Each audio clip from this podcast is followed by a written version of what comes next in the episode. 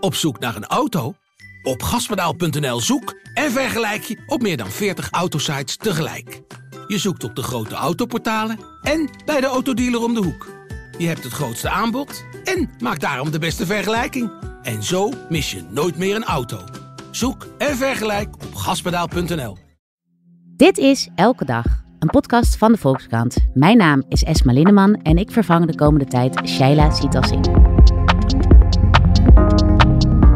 Een sociale huurwoning. Daarvoor kwam je ooit in aanmerking als je maar lang genoeg op de wachtlijst stond. Maar in sommige gemeenten is dat niet meer genoeg. Daar gaan de woningen vrijwel alleen nog maar naar kwetsbare groepen buiten de wachtlijsten om. Is het systeem kapot? En hoe ga je eerlijk om met de grote schaarste op de sociale woningmarkt? We bespreken dat vandaag uh, met economieredacteur Mark van den Eerenbeet. Goedemorgen. Goedemorgen. Uh, en chef datajournalistiek Xander van Uffelen, die onderzoek deden. Jullie deden samen onderzoek naar de verdeling van de sociale huurwoningen in Nederland. Welkom beiden. Goedemorgen. Nou, jullie hielden een enquête, uh, eigenlijk onder alle gemeenten van Nederland. En 200 daarvan deden mee. Om maar even bij de actualiteit te beginnen. Volgens Geert Wilders gaat 1 op de 3 sociale huurwoningen momenteel naar statushouders. Klopt dat beeld wat hij schetste? Nee, daar klopt niks van. Dat was natuurlijk een van die uitspraken die onweersproken op de televisie gezegd konden worden.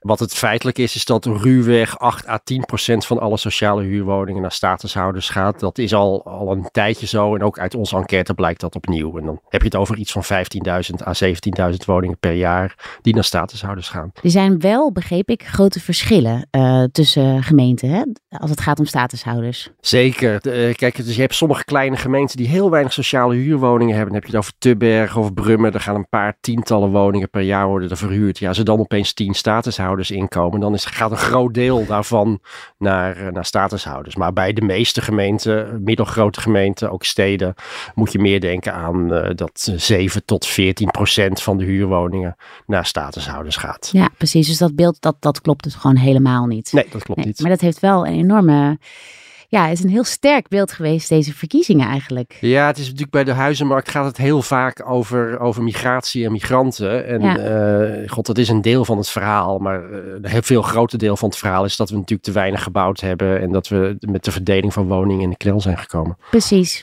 Nou, jullie hebben samen onderzoek gedaan naar deze sociale woningmarkt. Uh, jullie hebben gemeentes gevraagd mee te doen aan een enquête. Mark, kun jij een beetje vertellen, waar gaat dat onderzoek? Waar ging het over? Wat, wat wilden jullie onderzoeken? We willen graag weten hoe we schaarste verdelen in ja. de Nederlandse corporatiesector. Nederland is gezegend, internationaal gezien ook heel bijzonder, dat we een groot deel van onze woningen, ongeveer een derde, is een sociale huurwoning. Eigenlijk een soort nationale schat. Ja. Maar zelfs die is niet rijk genoeg, niet groot genoeg. Je ziet uh, dat er een heel groot aantal uh, wachtenden is, een aantal kandidaten voor een sociale huurwoning. En dat gemeenten geconfronteerd met een grote groep uh, wachtenden uh, gedacht heeft, ja, is het nog wel eerlijk om met een uh, met wachttijd te werken? Vroeger was het zo, hoe langer je op de wachtlijst stond, hoe groter je kans op een sociale huurwoning. Ja. Schrijf je maar in bij de woningbouw. als je 18 bent, dan krijg je ooit wel weer een woning.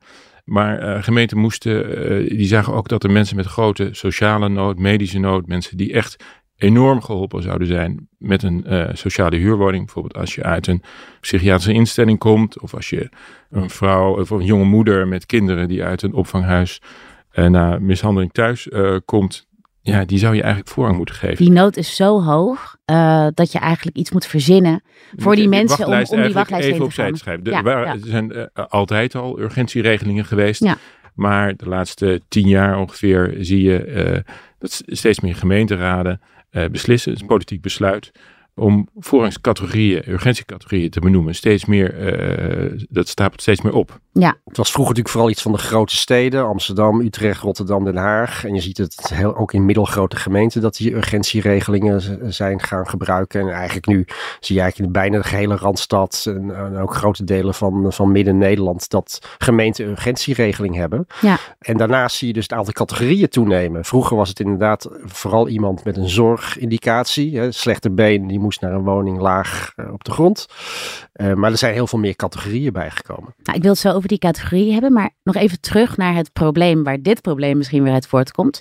Want er is dus een enorme schaarste aan sociale huurwoningen, daar hadden we het net al over. En Xander, als je eventjes in een paar zinnen kan uitleggen hoe dat probleem is ontstaan. Ja, in de jaren nul, dus twintig jaar geleden, eh, vond de overheid dat corporaties de markt op moesten gaan. Dus dan gingen ze allerlei eh, op de, de, vrije markt, en dan gingen ze allerlei rare tierenlantijnen doen. Dan hebben we die affaires gehad van directeuren die met grote auto's rondreden. Mm En als reactie daarop eh, zijn eigenlijk de regels voor corporaties enorm aangetrokken. Ze mochten echt alleen maar op sociale huur richten.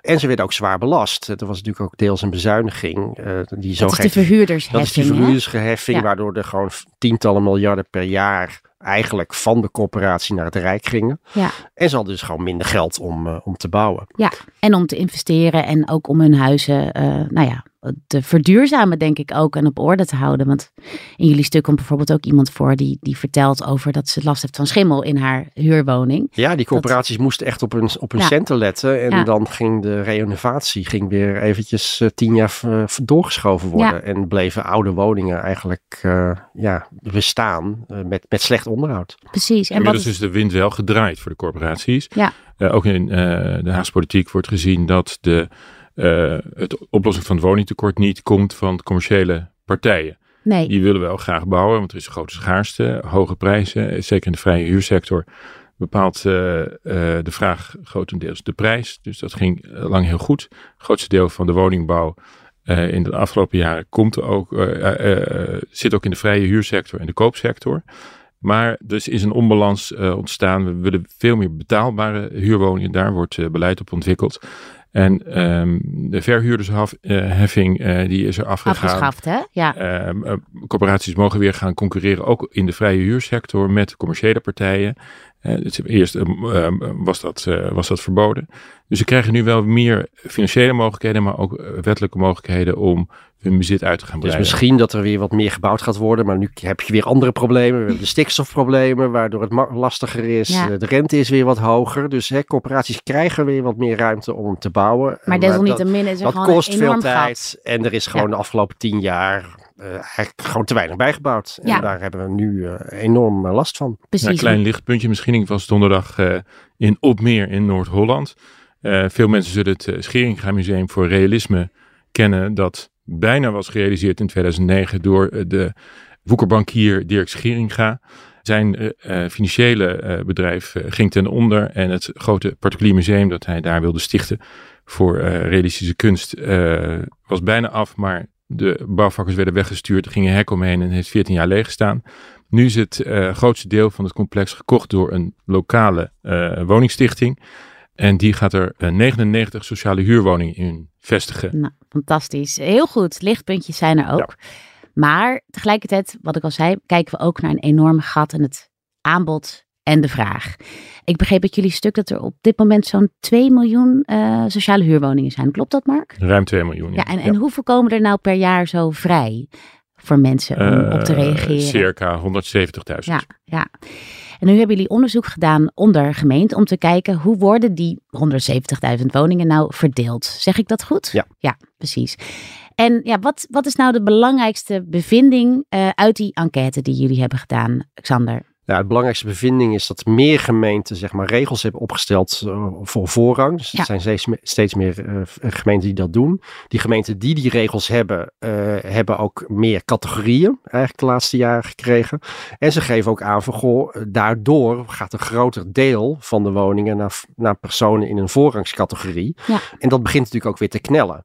Het bizarre eigenlijk op zekere hoogte is dat doordat er zo'n grote groep voorrangscategorie is, ja, lokale burgers in de knel komen. En dan bedenken gemeenten, goh, zullen we dan ook maar weer een regeling bedenken voor, jongeren in onze eigen gemeente, waarmee je eigenlijk nog weer meer personen op een voorrangsplek krijgt. Ja, precies. Dus het systeem draait op dat punt een beetje dol. Zeker in, in gemeenten waar er nog maar heel weinig woningen voor vrije toewijzing overblijven. Ja, en nu hebben jullie het uh, over voorrangsregels en uh, uh, over urgentieverklaringen. Dat is hetzelfde. Dat is dus hetzelfde. Dat is hetzelfde, okay. ja. Maar de categorieën zijn wel enorm uitgebreid. Kun jij daar iets meer over vertellen, Mark? Ja, Want som... je had het net al over van, nou ja, vroeger was het mensen met een psychiatrisch beeld of bijvoorbeeld mensen met een zorgindicatie.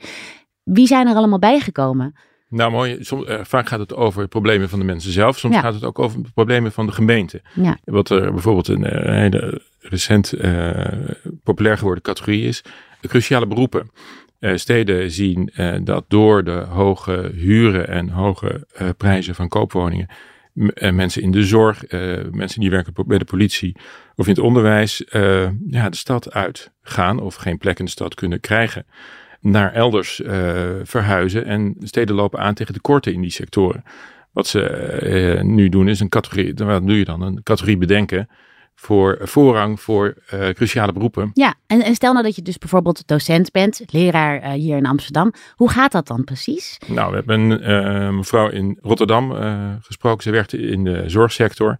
Logeerde al bijna twee jaar op de bank bij, bij een goede vriendin. Ja. Wilde dolgraag in Rotterdam blijven wonen en werken. Maar dacht, ja, ik ga maar naar Zeeland verhuizen. Daar krijg ik dan een andere baan in de zorgsector, maar ook een woning.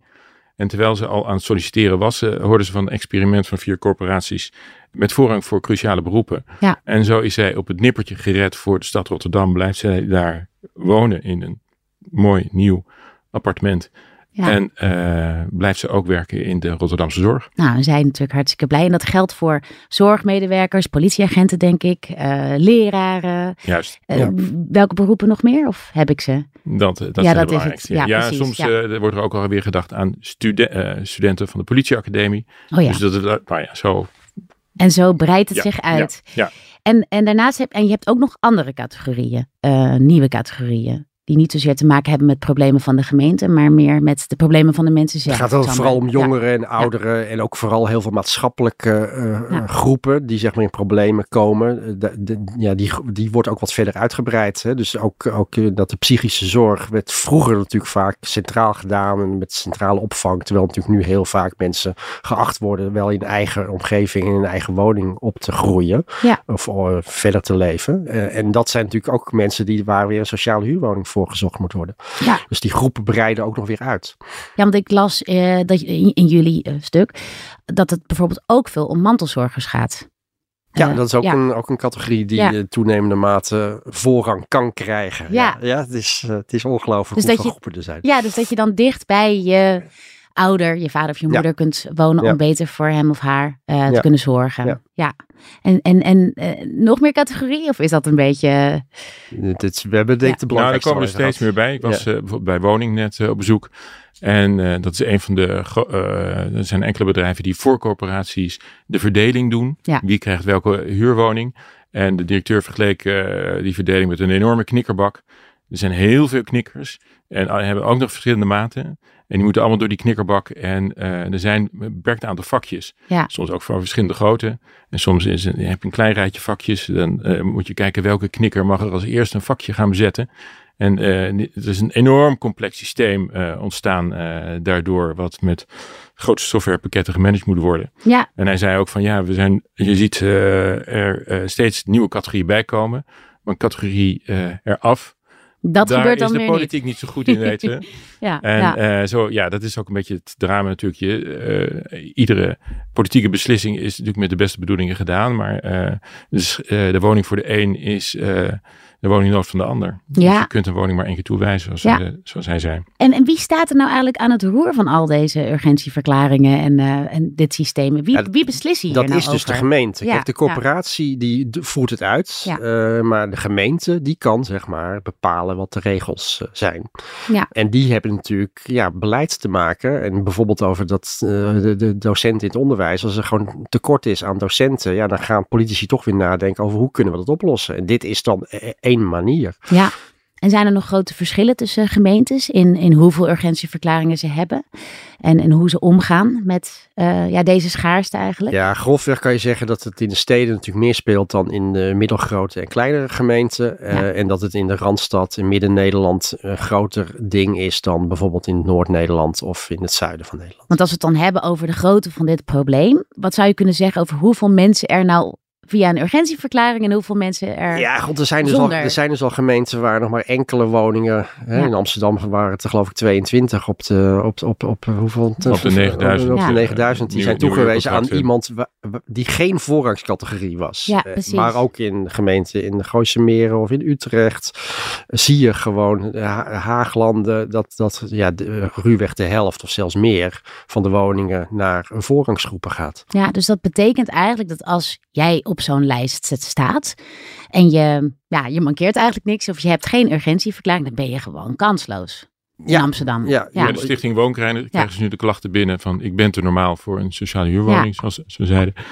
En dat uh, is in grote delen van het, uh, in de meest overspannen delen van de Nederlandse woningmarkt, ja. de steden, uh, inderdaad waar. Ja, en hoe, hoe groot denken jullie dat de maatschappelijke onrust over dit thema is, over dit probleem? Ja, heel groot. We hebben natuurlijk in de verkiezingscampagne gezien dat, dat wonen toch wel een heel belangrijk onderdeel was in de, in de debatten. Ja. Uh, en veel mensen zich zorgen maken over, over hun kinderen of over familieleden die geen woning kunnen vinden. Uh, of dat het onbetaalbaar is, dat het te klein is waar je woont. Uh, ja, en dit is, dit, dit is gewoon een van de grotere uitdagingen natuurlijk van, van, van de overheid. Van ja, hoe, hoe gaan we dit oplossen? En zoals ik al aan het begin zei, uh, het gesprek ging ook heel veel over statushouders uh, in deze campagnetijd. Zijn er nou ook gemeenten die daar ander beleid, die dat aan of af ja, ontmoedigen, zeg maar, om statushouders voorrang te geven? Sta, ik vertelde net dat gemeenten natuurlijk de regels bepalen voor die voorrangsgroepen, maar er is een uitzondering, namelijk bij de statushouders staat bepaald eigenlijk het Rijk dat er een verdeling is van huurwoningen. Precies, daar gaat de gemeente niet eh, over. De gemeente heeft een taak om, zeg maar, statushouders te huisvesten.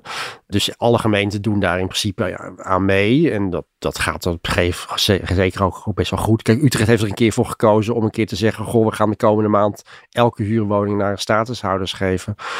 Om even van onze opdracht af te zijn en de wachtlijst weg te werken.